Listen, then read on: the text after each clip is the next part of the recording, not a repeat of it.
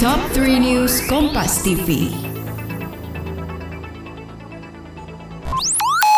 Happy birthday to you. Happy birthday to you. Eh, eh, siapa sih yang ulang tahun? Ini loh, podcast network favorit gue, Medio by KG Media. Seneng banget, di ulang tahun yang pertama kali ini, ada banyak special episode di podcast-podcastnya.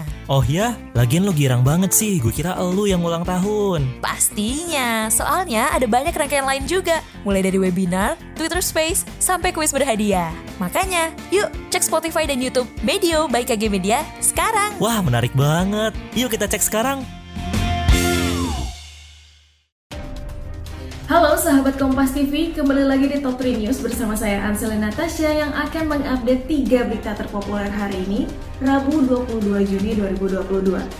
Sahabat Kompas TV di berita pertama mantan Menteri Perdagangan Muhammad Lutfi memenuhi panggilan pemeriksaan oleh Kejaksaan Agung. Dia diperiksa terkait kasus korupsi pemberian fasilitas izin ekspor minyak kelapa sawit atau crude palm oil CPO dan turunannya. Ex-Menteri Perdagangan Muhammad Lutfi tiba di Gedung Jaksa Agung Muda Bidang Tindak Pidana Khusus Kejaksaan Agung Jakarta. Dia diperiksa terkait perannya sebagai Menteri Perdagangan dalam kasus dugaan tindak pidana korupsi pemberian fasilitas izin ekspor CPO selama periode Januari 2021 hingga Maret 2022. Terbaru, Kejaksaan Agung baru memeriksa tiga saksi dari Kementerian Perdagangan terkait kasus ini.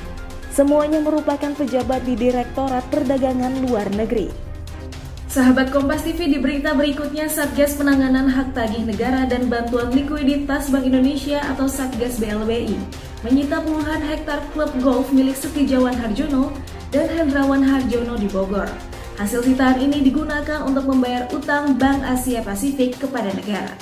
Tim Satgas BLBI bersama Menko Polhukam Mahfud MD, Kabar Eskrim Komjen Agus Andrianto dan sejumlah pejabat menggelar seremoni penyitaan aset milik PT Bogor Raya Development yang diduga terafiliasi dengan obligor BLBI Bank Asia Pasifik.